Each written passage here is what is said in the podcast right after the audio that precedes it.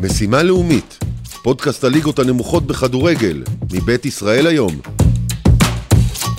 אז אנחנו בתוכנית אה, משימה לאומית, תוכנית שתתעסק אך ורק בליגה הלאומית, ועוד דברים מסביב של הכדורגל הישראלי, אבל באופן אה, מעשי, וברוב הזמן היא תתעסק בליגה הלאומית. איתי באולפן מיטב המוחות, מצד שמאל שלי העיתונאי ואיש הספורט יואב ביטוש, שלום, שלום. שלום וברכה. אחריו, על המיקרופון, ילד הפלא, ענן, אלון, אהלן אלון. אלון, אה, חשוב להגיד את הגיל, כמה אתה? 14? 14, כן. אלון נמרודי בן 14, אבל אתם עוד תפתעו ממנו. כן. ואחרון, בקצה השולחן, ממש מולי, ליאור דיין. אה, בוקר טוב, ערב טוב, אחר צהריים טובים, לילה טוב, הכל, כי... כי אי יכולים אפשר לשמוע את זה, אי אפשר זה- לדעת. אתה רוצה גם ראש חגים, כן, חגים לשמחה, הכל, כן, שבת שלום. עצור, יש לנו עכשיו צום. אה, תגיד, מי- מי מי חשב על השם אה, מסיבה לאומית? הוא שם מעולה. של מי זה? אלון הלך על השם הזה, זה היה בכזה... שם מעולה. תודה.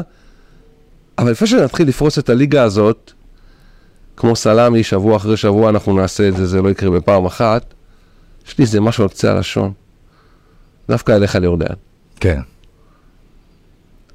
אני זוכר אותך בן 14-15, אני לוקח אותנו ככה ככה בבלומפילד, מגיע שער שמונה, בני יהודה משחקת נגד הפועל או מכבי, אני לא כל כך זוכר, חופנים איזה ארבעה, חמישה שערים חוטפים שם. שם אותי מכלה את זעמך בכיסאות.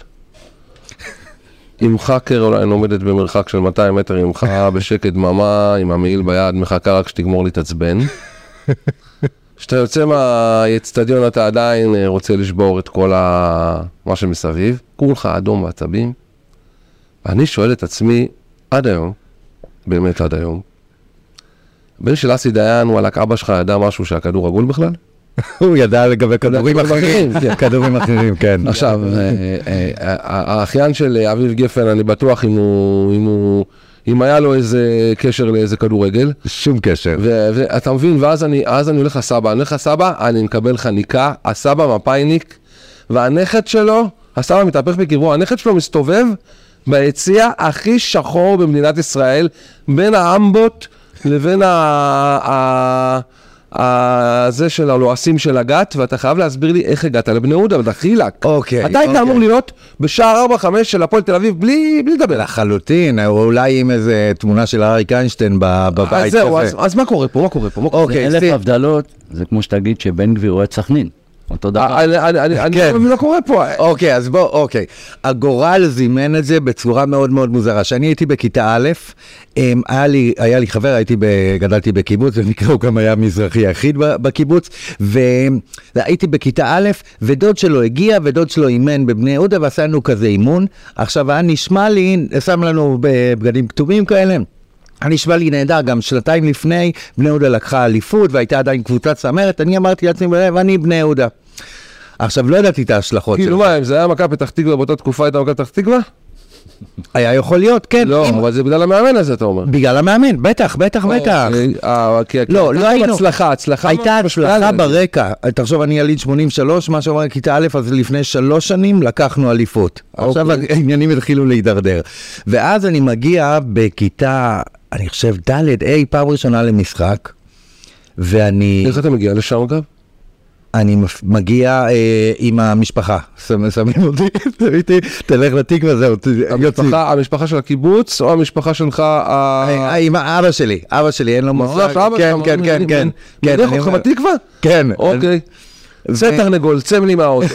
כן, צא, תחזור, אתה, אחרי מה שקורה פה היום, תחזור לבד. אה, אתה גם צריך לחזור לבד. כאילו זה- לא, לא, זה היה... אז בקיצור, אני מגיע, ואתה יודע, ואני יושב, ואני רואה מישהו לידי, הוא לועס גת, לא הכרתי את זה אף פעם. אני לא, לא מכיר את זה, וצועקים למען השכונה, למען הילדים. שואל את עצמי, "לא, איזה שכונה, רמת אביב, כאילו? איזה- ילדים, כאילו, איזה איזה אה, ילדים. מצא חן בעיניך. וזה מצא חן בעיניי, חטפנו 5-0 ממכבי תל אביב באותו הזמן, ואני הבנתי כאילו, שבני יהודה היא משהו מעבר, יש לה, אה, דבר ראשון, יש לה קסם מאוד מאוד מאוד גדול, מעבר לזה שהיא קבוצה שכונתית, היא מייצגת איזה... אה, היא מייצגת מין אנדרגראונד שאני אני נהנה להיות חלק ממנו. אני אפילו אגיד ככה, שכונת התקווה היא בעצם הקוץ בתחת הלבן והאשכנזי של תל אביב. אוקיי, אבל... ככה אני רואה את אבל זה. איך הצלחת אה, בתוך משפחה שהכדורגל קוץ בתחת בשבילה, אם בכלל, איך הצלחת לשמור על זה, להתמיד בזה? זה היה המרד שלי. איך זה- איך זה קרה? אה, תשמע, אני גם מאוד מאוד מאוד התאהבתי, אני אוהב סיפורים, והתאהבתי, אני, שאני הגעתי, הגעתי, והיה לנו בעצם, היה אה, כמה שחקנים, שלושה שחקנים, יוסי מדר, סער מזרחי וחזי שירזי, שהם היו הרבה יותר משחקנים, הם היו סיפור, הם היו סיפור על אה, שכונה, הם היו סיפור על איך אולי לצאת מהשכונה, איך לא להידרדר בשכונה, ומבחינתם כל משחק, גם האוהדים מאוד דיברו איתם, במיוחד עם סער מזרחי, זה היה מין שיח כזה. אנחנו נדבר עליו היום. אך נדבר עליו היום? כן. אני מאוד שמח, כי הוא דמות מאוד מאוד מאוד אתה יודע, חשובה. אנחנו פה לא כותבים כלום, שום דבר. אצלי בראש, טק טק נשלף, אבל אנחנו נדבר עליו היום, אני זוכר את זה. ותשמע, אה, בני יהודה היא באמת, אני, אני, קשה לי להסביר, אני מאז, להפך, ככל שהפסדנו ככה הייתי יותר גאה. גם נהניתי להיות ייחודי אבל בתוך תדע, כל... הפכת להיות לא יחידי, אבל ייחודי. כן. יש עוד כמוך כמה כאלה שאני מופתע, ואני שואל את עצמי, אתה מכיר דודו חזקי? לא, אז זה אוהד של בני יהודה מכר- מכרמיאל, והוא הוא, הוא יורד מכרמיאל בגיל 14, מגיל 14? לבד לטרמפים, אני לא יודע, שתבין, שאלתי אותו, דודי, איך זה קרה? כמו ששאלתי אותך. אז הוא אמר לי, הייתי ילד קטן בן 12, בני יהודה לקחו אליפות או משהו כזה, או 13, אני יושב בבית, רואה את הקהל שלהם בטירוף בטלוויזיה, זה ערוץ אחד, לא היה עוד ערוצים, אני רוצה כזה, אני רוצה כזה, אני רוצה לשבת שם, ביציע הזה. והחלטתי לרדת לתל אביב, וזהו, זה נדבקתי בזה. אה, אבל אני רוצה לעבור אליך. אני רוצה רק לסיים באנקדוטה קלה. כן. כיום העברתי את המחלה הכתומה לבן שלי. זה נהדר. הבן שלי, הוא בן, הוא, בן, אה, הוא בן תשע, הוא שרוף הרבה יותר ממני אגב, והוא גדל בשכונת תל ברוך צפון בתל אביב. ויום אחד הוא בא אליי ואומר לי, תקשיב אבא, אני לא מבין, כולם אוהדים של מכבי תל אביב, מכבי חיפה, ואני אומר לאנשים, אני בני יהודה, ו- ואני היחיד בכל הבית ספר שאוהד בני יהודה. למה זה אבא? אמרתי לו, ערד זה בגלל שהם אשכנזים, פריבילגים ועשירים. יואב, אני חייב לעבור אליך רגע. גם אתה, אה, בהזדהות שלך, אוהד אה, קבוצה שהיא עדתית אפילו, אה, מכבי יפו. נכון מאוד, מכבי יפו קבוצה עדתית, מזוהה עם העם הבולגרי. באמת, רואה הרבה פעמים דגלים שלכם נכון, ביציעים. מדויק, יש לנו דגלים של בולגריה, ועוד פעם, אנחנו חוזרים לימי השואה. העם היחידי באירופה שהציל יהודים, זה היו בולגרים. שום בולגרי יהודי לא הלך למחנות ההשמדה זה באמת, בשואה, אה, וכאות מוזר בתוך. ככה- בדיוק. מה זה מאוד, אני, אה, שהגעתי עכשיו בעקבות הבן שלי, הוא שאל אותי, אם לא ידעתי, לא הכרתי את העניין של ה... של אני רואה דגל בולגרי, אבל אני מנסה להבין, אני מבין את החשיבות של העם הבולגרי, מה הקשר בין זה לבין יפו בעצם? כי כל ה... אני אסביר לכם, היהודים שהגיעו מבולגריה התיישבו ביפו. Mm. יפו הייתה, קראו לה סופיה הקטנה. אז בעצם שם בירת הם. זכרו לו חסד נעורים ל- ל- זוכרים לבולגריה. חסד נעורים לעם שהציל את ההורים שלנו, את הסבים שלנו, וגם בבולגריה היום יודעים שיש קבוצה. באמת? שמייצגת, כן, את בולגריה שנקראת מכבי יפו. ויש להם קשרים באמת? טובים מאוד, כן, ויש קשרים טובים מאוד עם לבסקי סופיה, וואלה.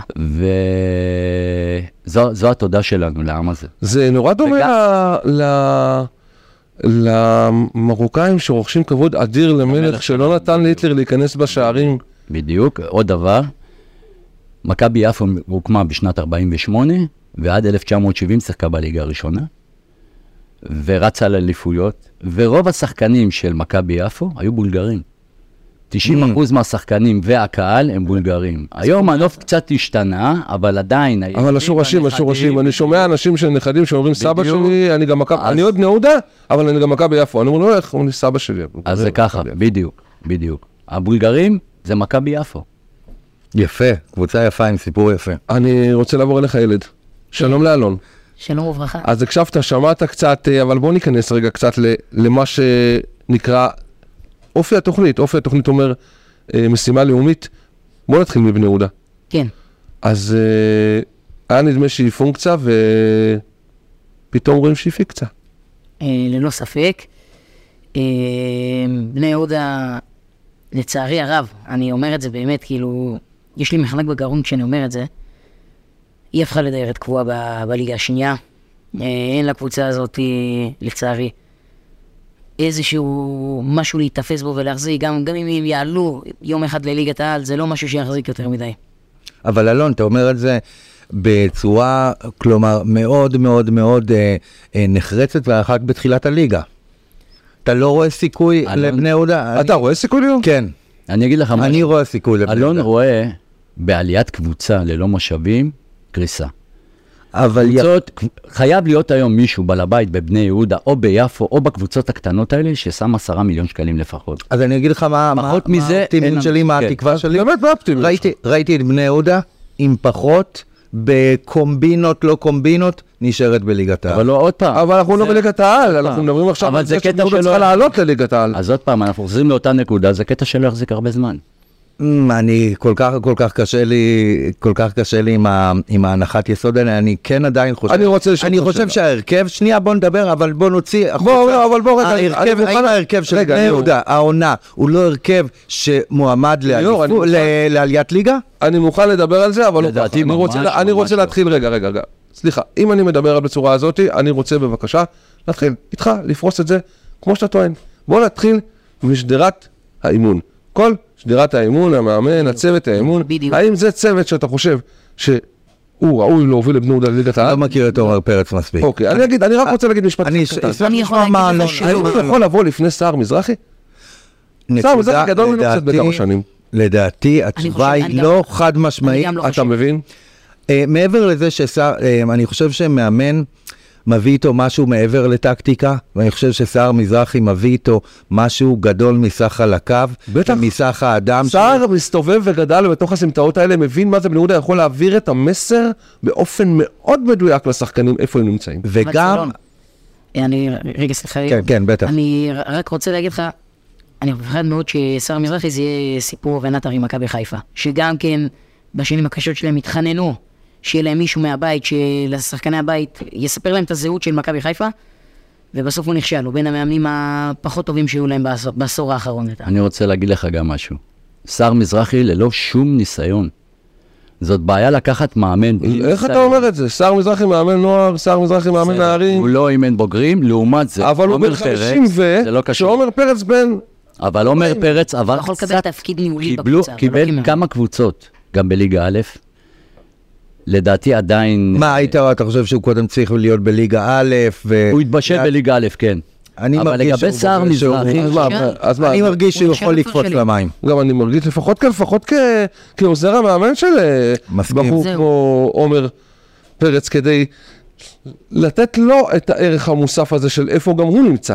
שנייה, אני אגיד גם דבר כזה, אמ, יש ערך, אה, שר מזרחי מאוד אינטליגנט, אה, מביא איתו אה, איזושהי ערמומיות. מביא איתו הרבה נשמה. אני מדבר על מעבר שנייה, על הדמות עצמו, אני חושב שמאמנים, יש חשיבות לאדם שהם, אני חושב שיש חשיבות לדרך בה הם מתבטאים, ושר מזרחי מהיכרותי כן יודע להיות ערמומי שצריך, כן, כן יודע להיות, כן יודע להיות אה, מאוד מאוד מאוד אה, אני רוצה מתוחכם. לומר לך שמינימום, מינימום היה לשים אותו ליד המאמן הזה, שגם אם המאמן הזה הולך.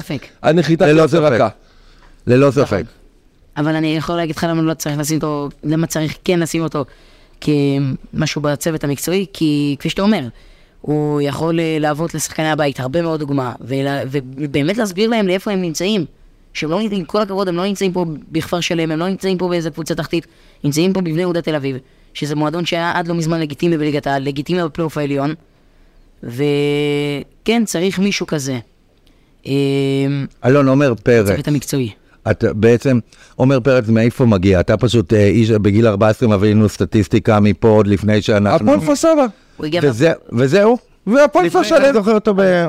זהו. בכפר שלם, אבל אני יכול להגיד לך שהוא נכשל כישלון חרוץ. כי אני יכול להגיד לך, הוא קיבל שם את התקציב הכי גבוה בתולדות המועדון הזה, והוא נכשל שם, בכישלון חרוץ הוא לא העלה את הקבוצה הזאת ליגה.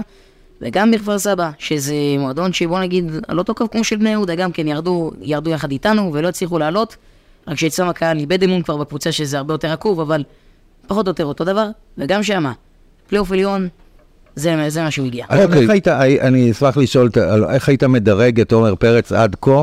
היה לנו כמה משחקים בגביע הטוטו, יש לנו כמה שלושה מחזורים, מ-1 עד 10, איך היית אה, אה, מדרג את ה- את התפקוד שלו עד עכשיו? זה לא. מדי לצאת בשביל? לא, עד עכשיו. זה תלוי למה אתה מכוון. מעניין אותי מה אלון יגיד. אם אתה מכוון לעליית ליגה, זה לא המאמן הנכון. אם אתה מכוון לפלייאוף עליון, אז... אה, אז אני... מה הוא עושה לא נכון, אתה יודע להגיד?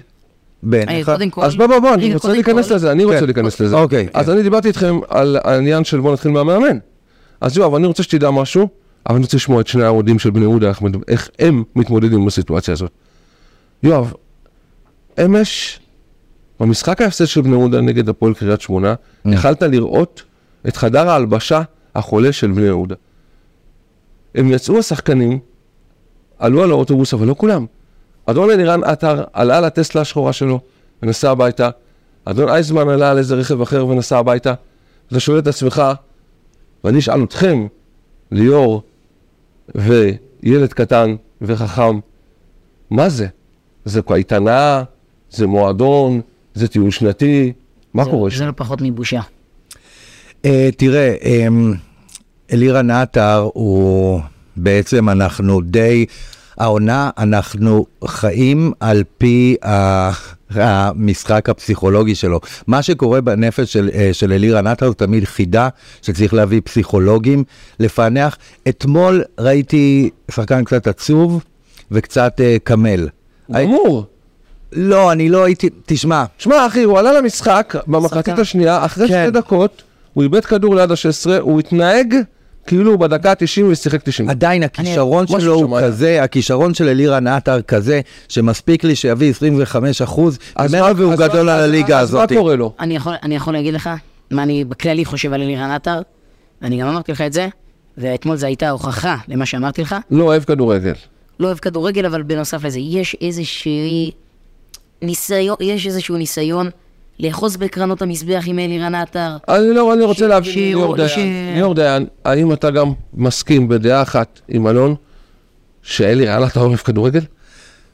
תראה, אני חושב, אתה, אתה רוצה שאני אגיד לך למה בעיניי הליגה הלאומית היא הליגה המרתקת ביותר? למה? כי היא בעצם מתחלקת, לש... היא מביאה שני מחנות. אחד, שחקנים צעירים שחייבים להוכיח את עצמם ומרגישים שהם רגע לפני הפריצה והם חייבים להיות בליגת העל. מצד שני, אה, לסופר. שחקנים מבוגרים שמרגישים שזהו, כבר אין להם, הם בסוף הקריירה. אני רוצה אבל להתמקד אני- במשפט הזה, האם אתה מאמין שאלירן עטר לא אוהב כדורגל?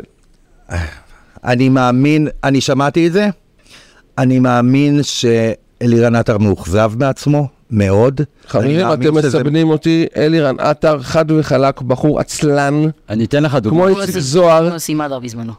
יוסי מדר, חבורת עצלנים, שבגלל זה מגיעה רק עד הבאר, ולא יותר מזה. לאלירן עטר היה מלא הזדמנויות, אגב, למה הוא לא פתח ב...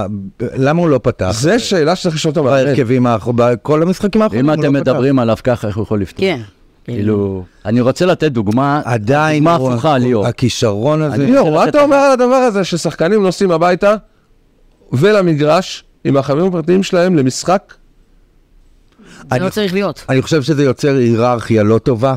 אני חושב שזה יוצר הרגשה של שחקן שהוא גדול יותר משאר, ה, משאר ההרכב. אני חושב שקבוצה צריכה להיות כאילו מלוכ, מלוכדת גם בזה. אין בעיה, תיסע עם הטסלה, אבל כולם יגיעו לאותו מקום. זה הרגשה קצת שיש מישהו שהוא למעלה ממך עוד שנייה, או זה אחר כך אה, זה לא כל פוגע- האבינים, מי זה לא משנה פוגע את במרקם ההרכב. של חדר ההלבשה, יואב? אני רוצה להגיד משהו, לנו היה אותו, אותו, אותו מקרה. משחק באילת, שחקנים נסעו ברכבים שלהם, התבזינו באילת, הפסדנו שם, למרות שבאותה עונה עלינו ליגה. זה אסון. חדר הלבשה צריך להיות מלוכד. לא שחקן אחד נוסע עם, האוט- עם הרכב הזה, ושחקן אחד עם האופנוע הזה, או אחד עם הקורקינט הזה. כולם ביחד. ברגע שיש חדר הלבשה בריא, הקבוצה תיראה במגרש אחרת. הייתי. אומר. בטניס, בטניס משחק יחידים אפשר לעשות זה, ב- אה, כדורגל משחק קבוצתי. לא אמרת כלום. אלון, אבל מה אתה אומר? אה, מי- מי צריך לקחת את האחריות על הדבר הזה? תשמע, נכון שיש את כל הקטע הזה של הזה, אני לא רוצה, לא באמת מעניין אותי אם אלירן עטר ייסע בטסלה שלו או לא, יותר מעניין אותי שהוא יביא את אבל לפני רגע אמרת, לפני רגע אמרת, שאלתי אותך מה אתה אומר על זה שהוא נסע ברכבים הפרטיים שלהם וחלק נסעו באוטובוס, אמרת אם הוא בושה היה וחרפה. נוסע, אם הוא היה נוסע ברכב שלו ונותן, אה, ונותן משחק טוב והיה משווה לנו את המשחק אחרי שהוא נכנס במחצית, אז לא אז הייתי... לא היינו מדברים על זה? אני לא יודע. אז אני מספר לך שאני אבל מדבר על זה אם הוא- בחוץ. אבל אם הוא לא, אני גם לא משחק טוב וגם נוסע ככה, אז תשמע, כאילו, כפי שאמרתי לך, יש איזשהו ניסיון לאחוז בקרלות המזבח, חושב שזה לא עבד בעונה הראשונה, זה לא עבד בעונה השנייה, די, חלאס, לפרוש, וגם אני לא רוצה בכלל... מה זה לפרוש? עכשיו? לקום את את הרגליים וללכת? לא, אני חושב שמלכתחילה להאריך איתו חוזה, זו הייתה טעות. טעות אוקיי, פטאלית. אוקיי. ראית שהוא לא שחקן שמשנה את כל הגורל. אני רוצה להגיד אצלו, לדעתי אתה מחמיר מדי עם אלירן עטר, ואני רוצה גם להגיד עוד משהו, אני חושב שבני יהודה אתמול, עצם זה שקלוד לואיס לא שיחק, יש לזה חשיבות מאוד גדולה, וראינו את זה בהנעת כדור. בעיניי, קלוד לואיס אה, הוא השחקן שיעשה את ההבדל, ויביא את בני יהודה להיות קבוצת צמרת. אני אומר שהוא עושה את זה ביחד עם אה, אבו בכר. אבו אה, בכר שחקן שמתי שהוא מ- מפסיד את הכדור הוא מרוויח אותו. לא יעזור שום דבר, הוא מגיע אליו. ואני חושב שאולי צריך פש... פחות ללכת עם, אה, עם אה, תרחישים אפוקליפטיים לגבי אלירן עטר ולהגיד, שמע, הוא שחקן מדהים.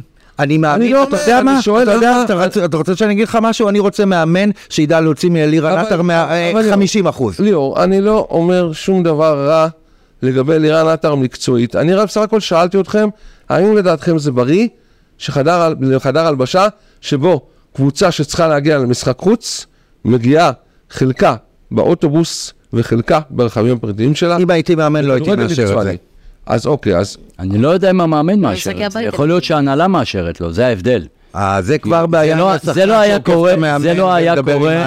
אצל מאמנים כמו לא גרנט. יכול, בוא, אני אגיד לכם למה אני שואל את השאלה הזאת ולמה אני לא נתפס באתר, כמו שאתה חושב.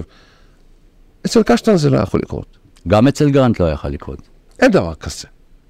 אתה לא היית בזמן באוטובוס, או לא יודע מה, ולא הגעת, תהיה הכוכב הכי גדול, אתה לא משחק היום. אתה לא משחק היום. אתה על הצ... על... ביציע. אתה מבין? ליאור, אני רוצה שתבין. אני אז אומר מדבר על- פר- אז על- אומר פרץ חלש, כאילו בעצם הוא ב... משם אני רוצה לשאול, מי הוא לא יכול לעמוד נגד עטר ו... בדיוק. אני רוצה להבין גם את ה... מה זה? זה, זה סוג של, אני ארכיב אותך רק חצי אה, משחק, ואתה תעשה מה שאתה רוצה. אני רוצה להבין מה הולך שם. יואב, אתה מסכים שזה ככה נראה? זה נראה גרוע מאוד. אה, אני את- אקח אתכם עוד קצת אה, אחורה. ערן לוי, ערן לוי העלה את יפו, אבל ערן לוי שחקן בדיוק כמו אתה. בול. זה אומר שחקן שהוא עצל. הוא לא ייתן את כל כולו במגרש, הוא עומד, נותן הוראות, ופה הבנו בליגה לאומית שעלינו, שכנראה ערן לוי לא מתאים למכבי יפו. אבל הוא העלה אתכם ליגה. הוא העלה אותנו ליגה, ב... עוד פעם, לליגה שחקן. א', בליגה לאומית, מספיק. הוא שונה אחרת. ולכן יפו שחררו אותו, למרות שהיו ביניהם קצת אה, עניינים לא נעימים. לדעתי עשו את זה אה, בצורה נכונה מאוד, ולדעתי, עם כל הצער שאני אומר, אלירן עטר, בשנה הבאה צריך לסיים בכבוד, אם הוא רוצה לליגה א', לא לקבוצה כמו בני יהודה, ולא לקבוצה שמתכננת לעלות ליגה, זה ההבדל. כי הוא לא, היום הוא לא פקטור בבני יהודה. זה ההבדל. זה לא אלירן עטר שלפני 15 שנה, 10 שנים, או אפילו 8 שנים. טוב, הוא גם יותר מבוגר. בדיוק, ואני- אז אני אני, רוצה לא- אני להגיד לוקח פשוט- לך, אני לוקח כן. דוגמה, שחקן מבוגר, דובב גבאי, אה, אוקיי. שחקן שעובד על המגרש 90 דקות, לא זה מפסיק שחקן של לרוץ. 30 שערים בשנתיים האחרונות. בדיוק, 30 שערים בשנתיים. לא מפסיק לרוץ על המגרש. זה אני גם כן עניין קורא. אני קורא גם אלירן מפה, עטר אבל מביא מספרים ו... double figures חברים, זה אי אפשר- להתעלם ממספרים כאלה. אני רק רוצה לתת בכוכבית, אני קורא מפה לאלירן עטר להתקשר אליי, יש לי אה, פסיכולוגים ממש טובים שאני מכיר, אני אקשר באמת ויוציאו ממנו את המקסימום. אח שלי, אני לא חושב ש... אני חושב שאם עכשיו אנחנו מצ- באמת מתחילים... סליחה. מתחילים אה, אה, לבקש לעזור לאלי עטר ב... אני אוהב את השחקן חמישה, הזה, אבל די, אני זה אוהב נגמר. חמישה, זה, זה, זה, זה חמישה חודשים אחרונים, אולי שישה, אולי שבעה. אלי רנטר יתלה את הנעליים שלו בסוף העונה. זה בוודאות, זה גם אם הוא יסיים 20 גולים בעונה. אבל האם אתם מסכימים עם זה, שעזבו מבחינת עצות, מבחינת כישרון, מדובר בכישרון הכי גדול בליגה אבל מה אתה- יודע, אז מה, ככישרון, מבחינת כישרון. מבחינת כישרון, אבל- נכון? תקשיב מה הוא אומר. אבל גם ראובן עובד היה כן, טוב, זה מקרה קיצוני. עזוב, אבל אני כן. לא לוקח את זה ככה, אני- אני אקח לך שחקנים אחרים, יש אני- שחקנים... אוקיי, אני לא, איתך. לא, לא חסרים כאלה, אז הלכתי קיצוני הפעם, אוקיי, אבל אני, אני אלך קצת אחורה, איך קוראים לשחקן שהפועל תל אביב רכשה במיליון אה, יורו ממכבי? בן רייכרד. בן רייכרד. הבן אדם מתרסק, כאילו... נכון, חשבו שיהיה הכוכב הבא, ופשוט אה, הגיע גם לבני סכום יהודה. מטורף. מיליון יורו. מיליון יורו על מישהו שאתה לא מכיר. שרצה לשחק בהפועל תל אביב, ענייני של אגו, אבל עוד פעם, אני אומר, אני אומר, יש משהו בשחקני הכדורגל של היום, הצעירים של היום, שאתה עוד יותר בולט אצל לירן עטר העצלנות שלו.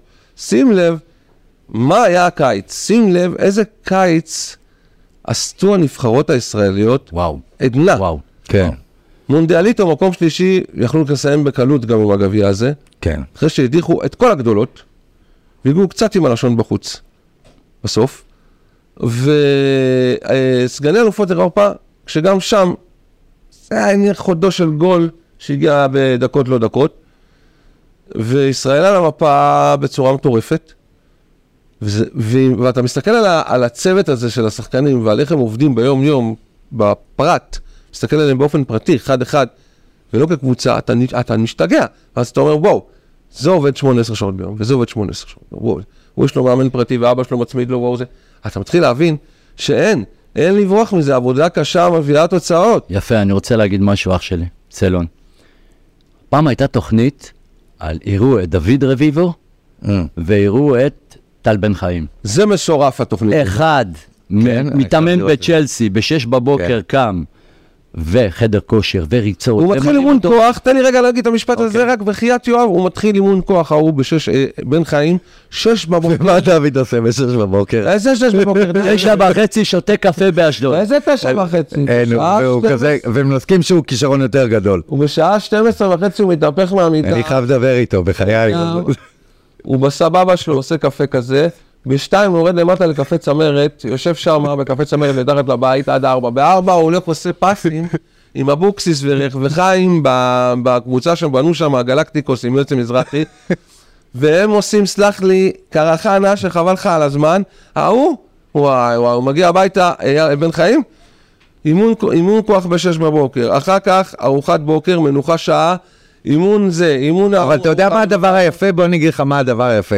שאני את דוד מכיר טוב, ולפני שבועיים ישבנו והוא התלונן בדיוק על זה אצל השחקנים שלו באשדוד בליגה א'. בבקשה. מה זאת אומרת? נכון. מה אתם אומרים לי? אתם לא תגיעו מחר וזה? אז דווקא, זה מעניין מאוד, ואני חושב שהוא דווקא יכול כמי שאולי, שאולי קצת מכיר את זה מעצמו, דווקא לתת את הדגש על זה. אגב, מאמן שמאוד מעניין לראות איך הוא, איך הוא יתפתח, אבל אני חייב לראות את הקטע וידאו הזה שאתם זה. אני אומר לך, זה הזוי מה שאתה אומר עכשיו, אני, אתה יודע, זה, דרך אגב, לבוא ולקחת את, אה, את דוד רביבו, שבאמת הוא היה, זה, זה באמת היה אייטם, ותבוא ואתה אומר לי היום שדוד רביבו בוכה לשחקנים שלו שהם במצב הזה, הוא מאוד לא אוהב, הוא מאוד לא אוהב חפיפניקיות.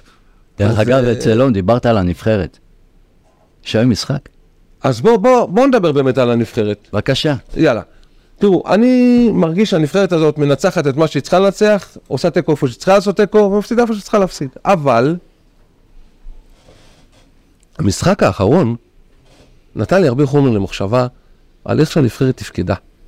פעם ראשונה שראיתי נבחרת שמחפשת לנצח את המשחק בכל דרך, והיריבה שלה היא לא נחותה ממנה, אלא הופכת להיות נחותה ממנה, מסכים בגלל מהלכים שהנבחרת שלנו מייצרת. ויש מין תחושה, תהרגו אותי עכשיו ותגידו, השתגעת, נפלת על הראש, שישראל עושה את זה במקום ראשון מהבית וגם מפרקת את שווייץ פה. ומנצחת עד סוף הבית את כל המשחקים. תגידו לי שאני טוב, משוגע, אתה קצת כנראה נסחפת, אבל בוא נגיד בואו. ככה, אתה צודק בדבר אחד במאה אחוז. מחצית שנייה, היה תענוג לראות את הנבחרת, את, אה, את כל השלישייה הראשונה של ההתקפה, היה תענוג לראות את גלוך, מה הוא עושה עם, כן, עם הכדור. זה פשוט שחקן ברמה. כן. מה שכן אני אוהב מאוד זה את השילוב של הצעירים. והצעירים האלה רצים 90 דקות, זה מה שדיברנו מקודם על שחקן עצלן, הם פשוט רצים. הם רצו יותר, ותשמע, יכלנו לנצח שם גם שלוש, אה, שלוש אחד. אבל רגע, אבל רגע, יואב, אני, אני רוצה להגיד משהו, ואני בטוח שכולכם ראיתם את המשחק, אבל אני רוצה לשאול שאלה הגיונית, שבהתחלה אנשים לא הבינו אותה, אמרו לי, מה, גלאזר הוא אחלה שוער, אני לא יורד על גלאזר, אני רק רוצה לשאול שאלה. יש לך, יש לך שוער של, של קבוצה כמו ביירן מינכן על הספסל, שכרגע מבחינת לשחק במשחקים במעמדים הכי פסיכיים שיש, הוא הכי חם. הוא עכשיו חזר כל הקיץ ממונדיאליטו ומאליפות אירופה. לא, איך אתה מעז להושיב אותו על הספסל ולשחק עם שח- שחקן פחות חם ממנו? אני חושב שזה בעצם אמירה, כאילו, זו אמירה יותר, אמירה רחבה שאומרת משהו, כאילו, לתת איזשהו ביטחון לשחקנים, אני מבין. אני איזה שחקנים? אני לתת ביטחון למי? שיש היררכיה מסוימת. איזה היררכיה? שיש, שיש... אני רוצה לספר לך משהו, אני רוצה לספר לך משהו. אני, אני. מבין את התפיסה, אני לא. יודע מה אני הייתי עושה. רוצה לספר לך משהו? אני לא יודע מה אני הייתי אני רוצה עושה. לספר לך משהו, כן. ויעיד על זה, אה, אה, תעיד על זה בבקשה, אה, יואב. שלמה שרף היה מספר אחד בלזהות מי השחקנים הכי חמים שלו בזמן. נתון. כן. מטורף היה הקטע הזה, עד כדי כך שבלי שלמה שרף לא היה שחקן כמו רונן חרזי ששיחק בהפועל רמת גן בכלל בליגה השנייה, נידחת, ושלמה שרף החליט שהוא שם על הבחור הזה אצבע ולוקח אותו לנבחרת. זה לא היה שחקן שהיה בקבוצה גדולה, אלא קודם כל הוא היה בנבחרת ישראל מהפועל רמת גן, ואז דדש שם עליו הרבה כסף. מו- אני אומר לך, שלמה שרף ידע מי השחקנים הכי מטורפים וחמים שלו בזמן נתון. יכלת לראות את זה ולהבין את זה בהרכבים שלו. מסכים יואב? מסכים מאוד, ואני אומר עוד, עוד, עוד דבר. זה חלק מאוד חשוב לך, לימוד. יש, לך, יש לך מאמן שחושב שהיום גלאזר יותר טוב. לדעתי, אני בדעה שלך, שפרץ היום הוא השוער המוביל ב, בנבחרת. הבעיה שלי היא אחרת. הבעיה שלי זה המגן, שאלי דסה, כן. שלדעתי זייף. הוא דועך, וכרגע הוא לא בכושר להיות ברוסיה. מגן ראשון. אז אתה יכול להסביר לי בבקשה, אלון, למה? זה שחקן שמשחק באירופה, שחקן שבנה את עצמו, מה קורה שם? אין, אני לא, אני לא יכול להגיד לך סיבה, אבל אני... אין, ללא ספק רואים שהוא לא... בקמפיין האחרון לפחות, הוא לא משחק כמו ש... הוא שיחק אה, כשהוא היה בהולנד, הוא לא משחק כמו שהוא שיחק כשהוא היה פה בישראל. ליאור, זה סובה? שאלה מעולה, השאלה, שאלה מעולה, אה, צריך לבדוק את התפריט שלו. הגעתי כאילו, ל... הגעתי כאילו ל... לרוויה, למקום שרציתי, יש לי את מה שאני צריך, אני לא צריך להתאמץ. אני בא לפה פעם בשנה לאיזה משחק נבחרת, מה יקרה יקרה? אני רוצה להאמין שלא. אני רוצה להאמין שלא, ושמדובר ב, בתקופה. אבל רגע, זה ליגיונר. ליגיונר צריך להיות קצת יותר מאחרים ב... ברמה שלו כשהוא נכנס לשחק במשחק נבחרת, ונדמה שהוא היה חוליה... אתה מרגיש שמליגיונרים נדרש, כאילו, נדרש יותר. הוא משחק במקומות יותר, ברמה יותר גבוהה, מן הסתם. אבל uh, אני, אני, אני רוצה לשאול אותך, יואב, זה לא... חולשה כזאת בהגנה, גול כזה, כשאתה משחק ב... ברמה גבוהה, ושחקת ברמה גבוהה, לא תסכול? תסכול גדול מאוד, לדעתי, מאוד מאוד גדול. Uh, מצד שני, עוד פעם, טעויות עושים במשחק, אין מה לעשות. הצער שלי זה שהחמצנו המון. יכלנו הוא פשוט לתת... סירב להיכנס. סירב להיכנס. היה זה שם מבצע, היה שם. מבצע של גלוך שפשוט זרק שני שחקנים. היה שם הנעת כדור פסיכית. מהירה לאורך... אתה מסכים איתי, אלון? מה שעשה, מה שהיה בהתקפות של ישראל? כן, אה, במחצית השנייה, ללא ספק, זו בין המחציות לטעמי הטובות ביותר, הטובות ביותר שידעה הנבחרת בשנים האחרונות. זה פשוט, שטפו את המגרש, מה- מאחרון שחקני ההגנה עד לחלוץ המרכזי, פשוט היה תענוג לראות. ויאללה, עכשיו את האמת. מה? עכשיו רק את האמת, אני רוצה לשמוע אחד, אחד, אחד, אחד כן. מכל אחד מכם. האם זהבי חסר לנבחרת? וואו. קדימה. זו שאלה. כן, התשובה היא כן לדעתי. האם צריך לתת לו חדר לבד? כן, התשובה היא כן. אלון? כן, חד משמעית. חד משמעית, חד משמעית. גם אני חד משמעית, ואם הייתי יכול לתת לו קומה במלון, לא הייתי נותן לו גם קומה במלון. תחשוב מה היה קורה אם היו נניח אומרים, נותנים, אה, היה יורד מישהו משמיים ואומר, אני עכשיו מבטל את האגו ל-24 שעות אצל כל השדרה הניהולית של. נבחרת ישראל, מה היה קורה? אז היית עולה. עוד דבר אני רוצה להגיד. מגיע לו, אין לנו. חלוץ תשע. הוא גם מבקש את זה מקצועי, בדיוק. הוא חייב... מסכים, רגע, אני. חייב... אגב, היה לו חלוץ תשע בגלל זה. דרישה אני חייב מקצועית גם לציין. לכם משהו כדי שאתם תדעו אותו למי שלא יודע. נבחרת ישראל ממומנת על ידי אזרחי ישראל, כחלק מהמיסים שאנחנו משלמים. בא השחקן הזה ואומר, אני מעוניין בחדר לבד, מממן אותו, הוא חוסך לי ולך ולא ולא כסף מכיסנו, ואנחנו עוד, יש לנו מה לדבר. רגע, רגע, רגע. אני רוצה לחזור אחורה. קודם כל, אתה צודק במה שאתה אומר. ראית בנבחרת, אין לך שחקן תשע קלאץ'. שיכול לתת גול. אדון זהבי, עוד לא התחילה הליגה, תשעה שערים. וזה גם, בגדול. וזה גם התקופה זה של מטורף. כן. זה מטורף. כאילו, אתה רואה שזה חסר לך, רדו מהעץ, תלבנו את זה. היום יש משחק, דרך אגב, קובע, כן, אני הולך לשם. קובע, קובע, קובע. אם אתה מנצח היום, אתה כבר מסתכל קדימה. ליאור, ישראל שלי- בלרוס, מה התחזית שלך? תיקו. וואו. כן. אלון, בשיניים 2-1 לנבחרת ישראל. בשיניים. לדעתי 2-0 לנבחרת ישראל, ואוי ואבוי אם לא ננצח את המשחק הזה. אז אני אומר שנבחרת ישראל אה, פותחת את המשחק הזה, שימו לב, בדיוק כפי שהיא סיימה אותו, ומפרקת את כל מה שיש לה על מה שהיא לא צריכה לפרק על רומניה. אני רואה פה שלושה ארבעה שערים של נבחרת ישראל. וואי. בתצוגת כדור. אגב, הייתי שמח לשמוע 41. מאלון דווקא, אה, אם נותנים לך אה, להביא את ההרכב של הנבחרת, מה היית משנה, מה היית עושה? אה, ממה שכבר זומנו, אז אה, אני לא יודע כמה הייתי משנה. כמובן שהייתי מצרף את זהבי, שזה גולת הכותרת, אבל אם כבר יש את הסגל הזה, אה, לא הייתי משנה יותר מדי, אני חושב שאון גולדברג פצוע, אז הייתי מכניס את למקין. ואולי הייתי עושה פה משהו מאוד מאוד שונה.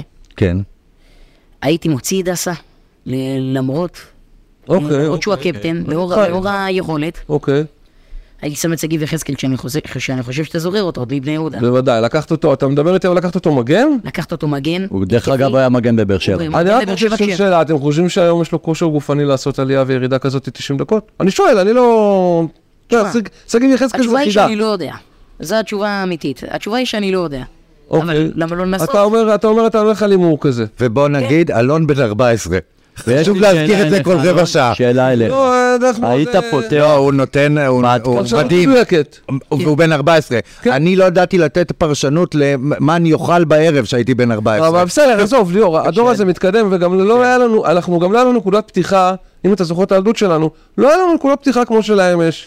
גם אם יש להם אה, מאגרי מידע, לא, יש להם גם- מידע, גם מידע יותר, בגלל אני. שואל שאלה. כל מה שמסביב. שאלה את אלון, מי בהתקפה? תורג'מן או וייסמן? אה, אז זהו, שווייזמן ובריבו, ששניהם חלוצים ליגיונרים, הם לא משחקים בקבוצות שהם זה-. ויש את דור דורג'מן, שהוא פשוט עכשיו חם מכל הטורנירים שהיה לו. ויש את דין דוד, חלוץ מכבי חיפה. מי ביניהם היית... תשמע, אני רוצה רגע לתת פה איזה משפט שאני חלילה לא מתכוון, אבל זה פשוט המשפט היחידי שרוצה לגזון אליו וזאת רפה, כי אין לנו חלוץ תשע אמיתי. אבל רגע, אבל רגע, בסדר. סקורר. אני רוצה להגיד לכם משהו. אין לנו, אז הייתי רוצה- הולך על דור תורג'מן. אני רוצה להגיד לכם מה אני חש לגבי תורג'מן, תגידו לי אם אתם גם שם. הייתי הולך לגבי תורג'מן. אני מרגיש שתורג'מן לא לא יבחן שהוא בנבחרת הבוגרת. הבוגרת, ושהוא לא הבין שהוא משחקים סביבו שחקנים, ואם הוא היה קצת יותר קבוצתי, הדבר היה יותר קל עבורו. אני ראיתי אותו לא... ראיתי אותו אאוטסיידר במשחק האחרון. אני חושב שזה עניין של התרגשות, חוסר ניסיון, כן. אבל לעומת זאת, גם זה היה במגרש קשה. רביבו היה מצוין בתפקיד כן. שלו. אז תורג'מן לדעתי עדיין, עדיין, עדיין בוסר, אבל כמו שאלון אמר, הייתי הולך על תורג'מן. הייתי אני. הייתי הולך על שניים. הייתי הולך שני חלוצים. שני חלוצים, בקושי אחד יש לך. אני אומר לך, הייתי הולך שני חלוצים. לא, אבל הסגל שלך. אה, משחק עם שחקן אח- חצי חצי מאחוריהם, ובא לטחון אותם. תשמעו חבר'ה, הם, אה, אם אותם אתם לא מנצחים, אז נגמר הקמפיין, ואם אותם אתם מנצחים. מסכים איתך מאה. אגב, כמובן שהחלום הוא לראות מתישהו את אופיר חיים בנבחרת הבוגרת. אוקיי, אז בואו נדבר. זה חלום, זה חלום, אני בואו נדבר על זה. אני מבחינתי, אני לא יודע לאן תיקחו את זה, ואולי תשכנעו אותי, ואולי תעוררו אותי. אנחנו ערב ראש השנה, נהוג לעשות כל מיני שיר השנה, זה השנה, כן? כן, מצעדים. מבחינתי, איש השנה בספורט של ישראל הוא לא אחר מאופיר חיים. מסכים איתך. יש לך מישהו אחר, אלון? אה, אין לי מישהו אחר, אני ללא ספק מסכים איתך, מה שהוא עשה עם הנבחרת של האנדר 20 זה ללא ספק הצלחה ענקית. אה, רגע, כן, אה, יש לנו גם את פרץ, גם עדיין נכנס בסוף השנה, אבל גם צריך... כן. מקום שני, הוא עדיין נכנס בשנה. הזאת.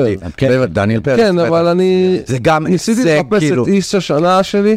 ההישג אני של החטיבה הזאת מבחינתי הוא. מעבר לאיש השנה, מה שהוא עשה זה הרבה יותר משנה אחת, הוא באמת, הוא מאמן בחסד עליון, באמת הייתי רוצה לראות אותו בבוגרת, מעניין אותי, והייתי לא רוצה לראות אותו בבוגרת עם הילדים שהוא גידל, אני הייתי רוצה לראות את זה. בוודאי, על רביבו שאתה מדבר עליו, הוא פשוט יודע לדבר אליהם. וכי, תשמע, יש לו משהו אנושי ו- ומנטלי ורגשי.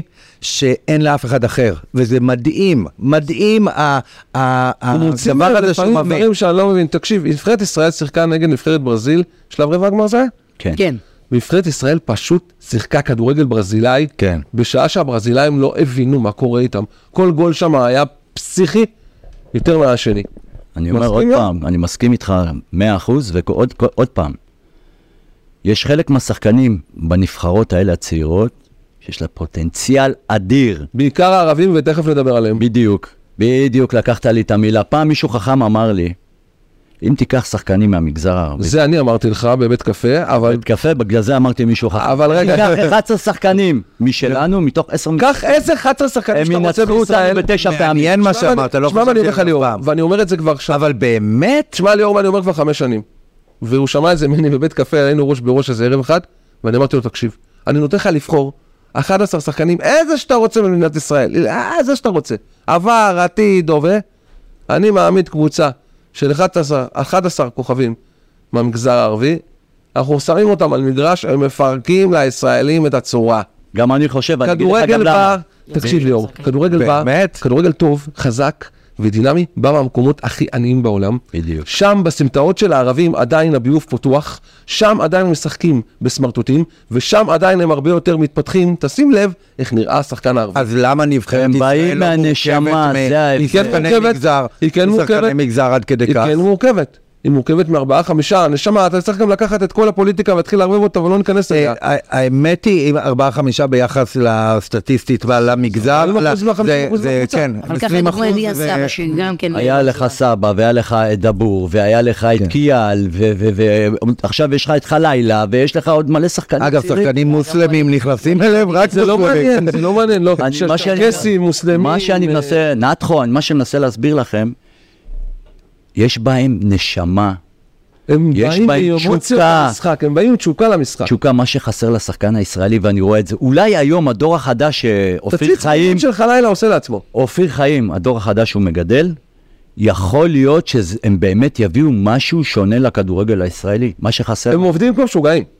הם עובדים, אני אומר לך, ליאור. ליאור, כנס לסרטונים שהוא עושה לך לילה, מעניין מה שאתה אומר. חלילה של מכבי חיפה, הוא שובר שיאים, הוא שבר תקרה בקפיצה מהמקום, שבר תקרה. רואים את זה בסרטון. הוא עובד, כל הילדים האלה עובדים אובר, מאחרי מה שהקבוצות המקצועניות מנהלת אותם. כולם בעלי מאמנים אישיים, כולם בעלי... אבא של חלילה משקיע בשני הילדים שלו 16 שעות, אה, שלוש פעמים בשבוע, לבד, רק הוא. זה, זה המון. אגב, זה מדהים, כי התחלנו באמת את, ה, את התוכנית פה ודיברתי על אותו הדבר שהיה בבני יהודה. והיה מביא את השחקנים, את האקסטרה הזה, ואתה אומר כרגע זה ב- במגזר, הייתי שמח גם לראות את זה בקרב, בקרב הדור הצעיר בבני יהודה. את אבל קרה שם משהו, קרה שם משהו, שבר גדול בבני יהודה שגרם לזה שהתשתית נעלמה. אב- אברמוב לא החזיק בנוער, זה לא כל כך עניין אותו. וזו, ובני יהודה בנויה על נוער. דרך זה אגב, דרך אגב, לא. אין לה זכות קיום אין לה התשתית. זכות קיום. חייב להגיד משהו. לפני זה. מי שלקח את הנוער של אה, בני יהודה השנה זה עופר ראובן. עופר ראובן היה שחקן, אחד הטובים של מכבי יפו, הקים את מחלקת הנוער של יפו, 12 שנה הוא עבד עם הנוער, אני עבדתי איתו באופן אישי. קסם של בחור, ואני מבטיח לכם שהוא יעשה מהפכה בנוער של בני יהודה. תן לי את העולה הוודאית שלך לליגת העל, אה, ליאור דיין. עולה ודאית? הכי ודאית, שאתה בטוח שלא משנה מה היא תהיה בליגת העל. וואי, אתה יודע, אני, אני אומר לך, מהלב וחצי מהראש בני יהודה, אם לא אה, טבריה. בני יהודה, אתה מדבר איתי מהלב. וגם, וגם, וגם מהשכל. אני אתה אומר מאמין לך, שזה עדיין שם. אני מאמין, אני מאמין שיגיע רגע שפרץ גם יתאפס על קבוצה. אחת אני רוצה, בני יהודה. בני יהודה. אלון, אה, הוא- אולי אני הולך לטבריה. טבריה תעלה בוודאות. לא, לא טבריה, אום אל-פחם. אום אל-פחם. אום אל-פחם. אום אל-פחם אני... אוקיי, אני רוצה לשמוע אותך, יואב. אה, וואו. קודם כל אני רוצה להגיד, עד מחזור 19-20, אף אחד לא יודע מה קורה בליגה הלאומית, זה הליגה הכי משוגעת. בסדר, אבל בוא, אני רוצה לדעתי יהיו שתי קבוצות, אחת מהן, ההימור שלי, טבריה וסוס שחור שירוץ עד הסוף. אוקיי, סוס שחור יהיה לנו בטוח אחד כזה משוגע, נוף גליל אולי. אה, אבל אני הקבוצה הבטוחה, אני תמיד אומר שכדורגל בליגות האלה, אתה חייב תשתית ובסיס טובה וארוכה. אתה חייב מישהו עם מגרש, ומי שמציג את זה הכי טוב, עם בעלים הכי יציב, עם כל שהוא משחק אותה משוגע, אני עוזב, אני עוזב, אני עוזב, ואף פעם הוא לא עוזב, איזה שרצקי הוא תמיד נשאר. כן. ואתמול קיבל לדעתי בונוס, אני לא יודע, תכף נשאל את אלון. אה, אתמול קיבל בונוס בדמות שער של הנכד, זה הנכד שער שלו? שני שלו כבר. והוא דרך כבש. גם נגד, אה, כפי שהוא כבש גם נגד עכו. אז זה הנכד שלו? כן, זה הנכד לא שלו. רק פרוטקציה, הוא באמת שער-. לא רק שער, לא עניין... אבל אה, אנחנו מדברים על שער ניצחון, אז בטח שבטח שירצקי עכשיו, כשהנכד שלו אה, זורח, לא יעזוב את קריית שמונה. אני מעריך שקריית שמונה עושה את זה, מה זה בהליכה, כמו מכבי פתח תקווה. אני לא חושב. ראיתם איזה מאמן יש לה? רק אתמול גיליתי את זה. שי ברדה? כן, שי ברדה. ואני מצטער להגיד לכם, אבל זה מאמן. אבל הוא נכשל עם... מאמן חייב להיות. אבל הוא אישיות, אחי. תבין, מאמן חייב שיהיה לו אישיות. הוא חייב, הוא חייב. וזה מאמן עם אישיות. זה מאמן עם אורך רוח, זה מאמן שיודע לספוג, זה מאמן שיודע אה, לקפל את עצמו אה, גם ברגעי, ברגעי משבר ולא ל, אה, לצאת מגדרו ולשבור את הכלים. אה, ראיתי אותו במצבים מסוימים, הוא יודע להתמודד עם קשיים, הוא עבד עם סלובן, שסלובן יש לו תרבות אירופאית מאוד מאוד גבוהה, סלובן דרפיץ'. כן. אה, והוא למד ממנו המון, סלובן בא מב- מהבית של מכבי חיפה. אה, אני מאמין גדול גדול ברצון של איזי לעלות ליגה. ראיתי גם, אני לא יודע אם שמתם לב אתמול, את הזרים שלהם, והם זרים מאוד זריזים, לגמרי. חזקים, עושים את האיכות ועושים את ההבדל. אה, אני הולך עם קריית שמונה. אנחנו הולכים לתת הימורים לגבי המחזור הקרוב, אני מקווה. רוצה ש- מה זאת שאלה- אומרת? אי אפשר כי- בלי זה. בוא נתעכב לא, כי פעם שעברה, בוא. נגיד, היה פיילוט, ואני אמרתי בני יהודה מנצחת, אתם אמרתם אין סיכוי, וזה קרה, אז אני רוצה עוד אני פעם. רוצה לשאול משהו אוקיי. לפני זה, גם לצלון. מה אתם אומרים על הרפורמה בליגה א'? אני... שהכל שם שוויוני. ליאור, באמת, אה, אני רוצה שתסתכל על זה עכשיו, משפטית. תסתכל על זה עכשיו, אה, אני כמו אני שבית שמעתי, המשפט אומר, כמו שבית המשפט אמר היום, אה, אנחנו כאן בשביל... אה, בשביל- בשביל ה- בשביל האזרח. נכון, אז אני רוצה שתסתכל על זה עכשיו ותגיד לי, מה הסיפור הזה לדעתך, הליגות הנמוכות עכשיו פתאום? רגע, אלון, אני שמעתי שאתה אומר, אתה באמת חושב שזה באמת יעשה את ההבדל ויביא את השחקן הישראלי, מה שנקרא שחקן הבית? כי זה אני מבין המטרה פה, נכון? זו המטרה. אבל יש פה איזה מין קאץ' כזה שבעצם, כשאני מסתכל על זה כבעל לבעל קבוצה, תקן אותי אה, אה, ביטוש אם אני טועה, שאני כאילו מאבד סיכוי כמעט ממשי לעלייה. בוא, בוא נגיד, שנייה, נגיד מה זה? ככה, היום לעלות נתנו לא צריך תקרה. נקרו- נתנו תקרה של תקציב, נכון? מיליון שקל. מיליון שקל. בוא נגיד ככה, היום אני אדם עמיד מאוד, ואני רוצה שקבוצה כמו, סתם דוגמה, חולון, אוקיי? כן. או דימונה, תעלה ליגה. אני רוצה להשקיע חמישה מיליון שקלים. מה מונע מהם לאסור להשקיע כסף? מאיפה זה בא? אני באמת... ואם אתה חושב- רגע, רגע, אבל אם התקרה, אני גם אומר, רגע, רגע, רגע, אני גם אומר שאם התקרה היא כזאת, הליגה א', למה התקרה היא לא כזאת הלאומית וליגת העל? שאלה מעולה. בוא בוא נשחק, אגב, שאלה בוא מעולה. נשחק את זה ככה. ואני שנייה אגיד לך מה לדעתי, יקרה, מה יכול לקרות, חוזים פרטיים שקטים. בדיוק, בדיוק, זה מה שאני. רוצה להגיד. מתחת לשולחן. ישראלים, אתה נותן הם רוצים. למנוע את הכספים מתחת לשולחן, אבל זה מה שיקרה. אז למה? זה קצת כמו חוק ישראלי. היובש, קצת כמו חוק היובש יצר בעצם יותר בדיוק. אלכוהול וזה, יש לי הרגשה שזה ייצור כל מיני הסכמים, ליאור, כמה זמן זה מחזיק מעמד? עונה, שניים, אני לדעתי עונה אחת. עונה אחת. לדעתי לא, יבינו את הבעיה. אה, עונה אחת. עונה אחת. ביטוש? לדעתי הם ילכו ראש בראש עם הקטע הזה. המטרה שלהם זה להכניס שחקנים צעירים ל- להרכב, אבל גם שחקן זה צעיר זה היום, לא לא מה שזה המטרה, זה התירוץ. אוקיי, גם זה שחקן. צעיר היום, סליחה, לא מרוויח את זה החמש- שהם אומרים. 5,000 שקל בחודש, מינימום. ואם אתה מביא שני סטארים, כבר עברת את המיליון וחצי גם. אז איפה קאדר? של 20 שחקנים, זה מה שאני אומר, מתחת לשולחן. אז, אז, אז מה, יצטרכו לתפוס אותם ליאור דרך אה, אה, עבריינות בשביל שזה יפסיק, או שזה, שמישהו ייפול לו האסימון והוא יבין אה, שמשהו פה לא עובד ברגולטור? זאת הבעיה, זה גם אגב פרצה ישר למס הכנסה הבעיה, הכל שם יוצר בעיות. אני, שמע, אני רוצה לראות האם זה ישיג את המטרה. לדעתי זה ייצור הרבה הרבה יותר בלאגן צדדי, וזה גם ההיגיון שזה קצת קשה לי, קצת קשה לי להבין אותו, להגביל שוק פרטי, עדיין אנחנו שוק פרטי, אני מבין, זה נשמע קצת נורא... אה, אה, מאוד סוציאליסטי העניין הזה, וזה מגביל לדעתי יותר מדי. יש אבל גבול. תראה, אבל תראה, אני רוצה להגיד לך משהו. בארצות הברית, כשמשחקים ב-NBA, אה, זה עובד נהדר. אתה מסכים איתי, יואב? נהדר, נהדר, כן. יש fair play, נכון, התקרה אבל יותר גבוהה גם. בוא, בוא, אתה- לא אתה יודע נכנס מה? לתקרה, בוא לא תן לנו תקרה יותר לא, גבוהה. לא נכנס לתקרה. זה מה שאמרתי, אני רק מיליון אמרתי וחצי, לך, אבל שניים. ליאור, אבל ליאור, אני לא נכנס, אני לא נכנס לתקרה. אני רק אמרתי לך, התקרה אפשר להתווכח. אני אמרתי לך רק, שחק fair play, את כל הליגות, אתה לא יכול לשחק את זה בליגה אחת. אני מזכיר לך שאי אפשר לעשות איפה באיפה, מה שנקרא. אם כבר אתה זה, למה, למה ליגה א'... כל הליגות, למה שמכבי חיפה תקנה את כל מה שזז, ומכבי תל אביב תקנה את כל מה שזז, ובני יהודה תיאלץ ל- ל- ל- להישאר עם שאריות מליגה ד' או לא, או לא, לא יודע איפה, אתה מבין את ה... איפה הפייר פליי? למה זה חייב ליפול לליגה א'? אני מבין, אני מבין את הדברים שאתם דרך אומרים. אגב, הם יצאו באיזושהי מחאה, אבל לא נראה לי שזה עזר להם. זה פוגע אחרי הכל גם בשחקנים, נגיד, היותר מבוגרים, דיברנו על המבוגרים, אה, שכאילו, שבלאומית הם לא מצליחים, ובליגה א' זה, והם כן רוצים ל- לקבל שחקן גבוה, וזה פוגע בהם.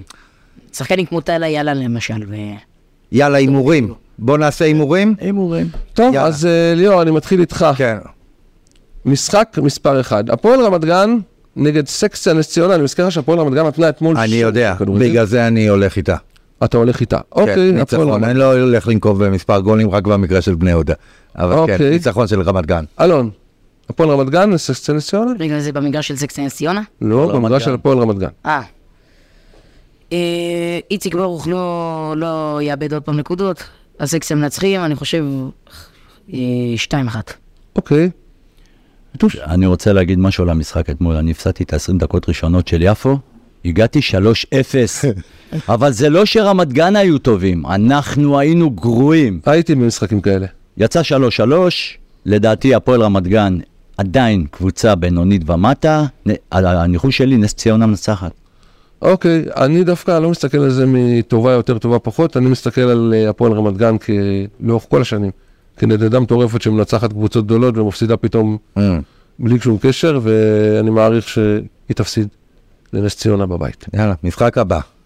הפועל עכו, מכבי הרצליה ליאור. עכו. עכו. אה, אלון. הפועל עכו תנצח, אה, 2-0 אני חושב. הפועל עכו תנצח. הרצליה. הרצליה, וואו, איזה הפתעה. אני הולך פה עם הפועל עכו תטחן את הרצליה. שלוש, ארבע חתיכות. Mm. ליאור, הפועל רמת השרון, הפועל אום אל-פחם. אה, וואו, זה חתיכת משחק, כי רמת השרון נראים מדהים. בואנה, הם- איזה פתיחה יש להם. אמ, שחקני בית, זוכרים דיברנו על זה? מי שמגדל שחקני בית קוצר. ועוד חתיכת עיר לגדל בשחקני בית. רמת השרון. רמת השרון. היום אני חושב שאנחנו נראה את ירון אוכנבוים במערומה וגם את השחקנים שלו. אום אל-פחם תנצח פה איזה, אני אומר, 3-1, משהו כזה. וואו, וואו, וואו, זה איזה ניחושים יש פה, אני חוזר על זה. תשמעו, אני תופס אתכם, אני, וואו, וואו. כן, ביטוש, תיקו גדול. תיקו גדול. אני אומר שניים, שתיים, שתיים, מדויק. וואו. תיקו רף שערים, גם שלוש שלוש יכול להיות פה. ליאור, מגיעים אל אה, חלקת אלוהים הקטנה שלך. בני יהודה טבריה, נכון? בני יהודה תל אביב, שים לב, עירונית טבריה. שים לב, 3-0 בני יהודה. וואו, וואו, וואו. תשמע, אתה לא... קלוד חוזר, קלוד חוזר, אני אומר לך. תשמע, אתה יודע מה, אז אמרתי, אתה לא רק. אתה לא רק שיכור, אתה גם חוצפן, שחבל על הזמן. אני גם רק רוצה להגיד, מי שמנצח בהימורים שבוע הבא, זוכה כל האחרים מזמינים אותו. ארוחת לא, צהריים, את כולם. לא, בפיצוצייה של של שירזי בלגרדיה. אה, אתה אתה מתחיל בקטנות? אוקיי. אה, אלון, בני יהודה, עירונית טבריה. 3-1 לעירונית טבריה. וואי, אלוהים שישמור. ויטוש, 1-0 בני יהודה. 1-0 בני יהודה.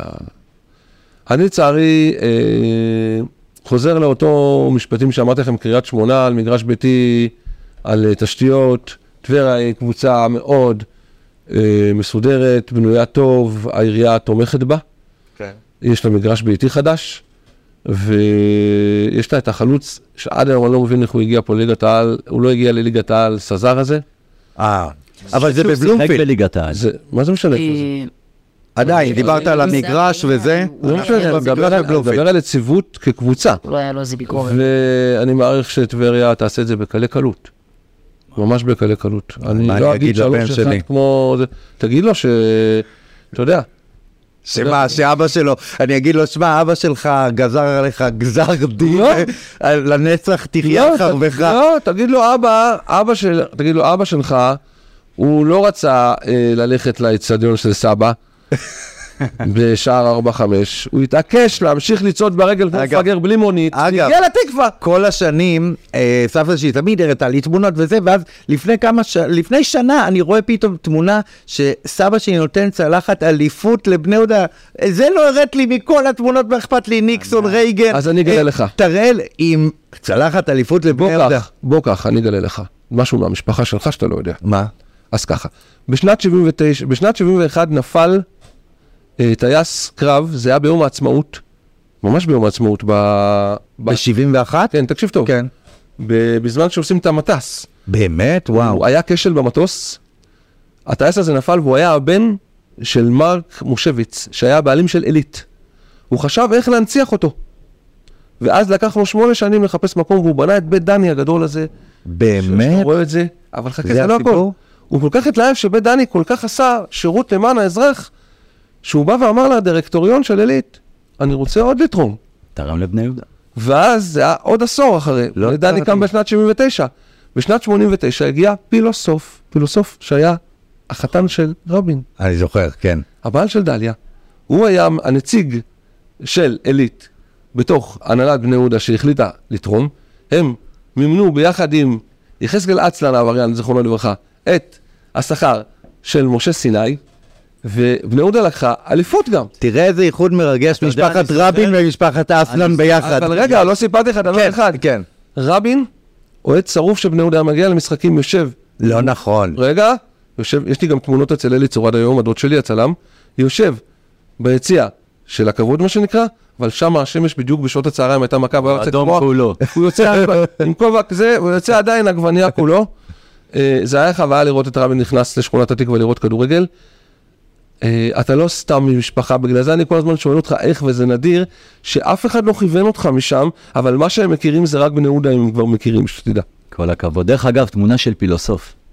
בוא נמשיך במשחקים, תמונה של פילוסוף עם הסרט. עם הסרט, נכון, תמיד רץ. זה בשחור לבן. בוא נרוץ לשאר המשחקים. בוא נרוץ את שאר המשחקים ונסיים את השידור שלנו. ליאור, אנחנו סי- היינו בבני יהודה, אנחנו ממשיכים איתך. כן. הפועל ראשון לציון, הפועל קריית שמונה. אה, קריית שמונה. אלון? אה, וואה, אה, תיקו, תיקו. זה ההפתעה שלי. ביטוש? ראשון לציון. ראשון לציון. אני הולך פה גם פה על תיקו רב שערים, שניים, שתיים, שתיים, שתיים כזה. אה, ליאור, הפועל, עפולה, כפר קאסם. כפר קאסם. וואו. אלון? כפר קאסם עם חוסר הניצול המצבים, אבל עם יכולת של פלייאוף עליון. באמת? ללא ספק, גם נגדנו, הם 60 דקות עשו התקפה, וגם שבוע שעבר נגד ראשון. אוקיי. כפר קאסם תנצח פה, את עפולה. הבלאגניסטית. אוקיי. עפולה פתיחה לא כל כך טובה. כפר קאסם פתיחה לא כל כך טובה, איקס. אני הולך פה דווקא עם המארחת עפולה, אני מרגיש שהיא מספיק בשלה לעשות פה שלוש נקודות. ליאור, כן. הפועל נוף הגליל, הפועל כפר סבא. נוף הגליל. הופה, נוף הגליל חד משמעית. אלון, וואו, אתה יכול לספר לי קצת על נוף הגליל?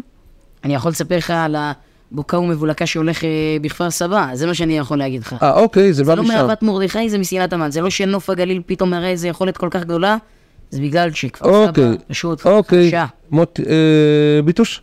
איקס. איקס. אני פה אה, רוצה ללכת עם כפר סבא, כי אני ראיתי אותם אה, משחקים נגד בני יהודה ויש לה ניצול מצבים פסיכי. אה, אני מאמין שהיא עושה את זה. ואחרון, אחרון חביב, המשחק האחרון שיסגור את המחזור הזה, תכף נגיע אליך, תכף נגיע אליך. יפו. מכבי יפו בני שפרעם. נגד בני שפרעם. קדימה ליאור, יפו. יפו. אה, שפרעם. וואו, וואו, וואו, וואו, וואו. וואו, וואו. אני אגיד, לדעתי יפו, ואוי ואבוי להם אם הם לא, אם הם לא מנצחים, השנה של יפו תהיה קבוצת פלייאוף תחתון. זו הדעה שלי. אם הם ינצחו, הם יחזרו לתלם. אז אני אומר שמכבי יפו אה, מתאוששת שם מול שפרעם. דרך אגב, הביאו שחקן חדש בשם ניב זריאן, שהוא שיחק מכירים אותו, בליגת-. בליגת שימו לב העל. איזה הימור אני נותן לכם פה. דקה 20, בדיוק תעשה אה, מכבי יפו את מה שעשתה להפועל רמת גן אתמול, ותוליך כבר 3-0. אבל וואי וואי. היא לא תיפול ותנצח את המשחק בגדול. זו דעתי האישית. טוב חברים, אז uh, זו הייתה התוכנית שאני מת עליה, שאני בניתי אותה בשני ידיים, בעצם בארבעה, ביחד עם יואב ביטוש. אני שמח שאתם בפאנל שלי. ליאור דיין, היה לי תענוג מדהים, מקסים, אני מקווה לפגש אותך פה כבר בשבוע הבא. אחרי ניצחון 3-0 של בני יהודה, לא, זה... איזה הימור. אם זה מגיע, אז אה, כאילו אני בא- עם חולצה כתומה. גם. למה לא עם חוטיני? אז בוא נעשה את זה יותר גדול, אם זה מגיע, ואנחנו שנינו נהיה במגרש, אני מאמין. כן. אם זה מגיע, אז מהמגרש, אתה, אני, הילד, האישה והאישה, יוצאים לאכול משהו. אה, אלון, אלון, הילד הפלא, תודה רבה שהיית כאן, תודה על כל הדברים המתוחכמים והמחכימים שלך. תודה רבה, מדהים, נחים. בן 14. בן 14, אנחנו ניפגש פה שוב איתך גם בשבוע הבא, זה ילד שאני מטפח, אתה יודע את זה. הוא מחלקת הנוער שלך. כן, בדיוק. הוא אני כשהייתי קטן, בדיוק, מדבר עם לעניין, כמו שצריך. ואחרון חביב, האיש שרקם איתי ביחד את הדבר הזה, Mm. יואב ביטוש, העיתונאי ואיש הספורט, תודה שהיית רוצה איתנו. להגיד תודה רבה לצלון, כן. שהוא שותף אמיתי ומלא, ובברכת שנה טובה לכולם. תודה רבה, אנחנו נהדרת. נפגשים פה מיד אחרי ראש השנה, אז שנה טובה, תהיו אנשים טובים, אני הייתי צלון, ביי. משימה לאומית, פודקאסט הליגות הנמוכות בכדורגל, מבית ישראל היום.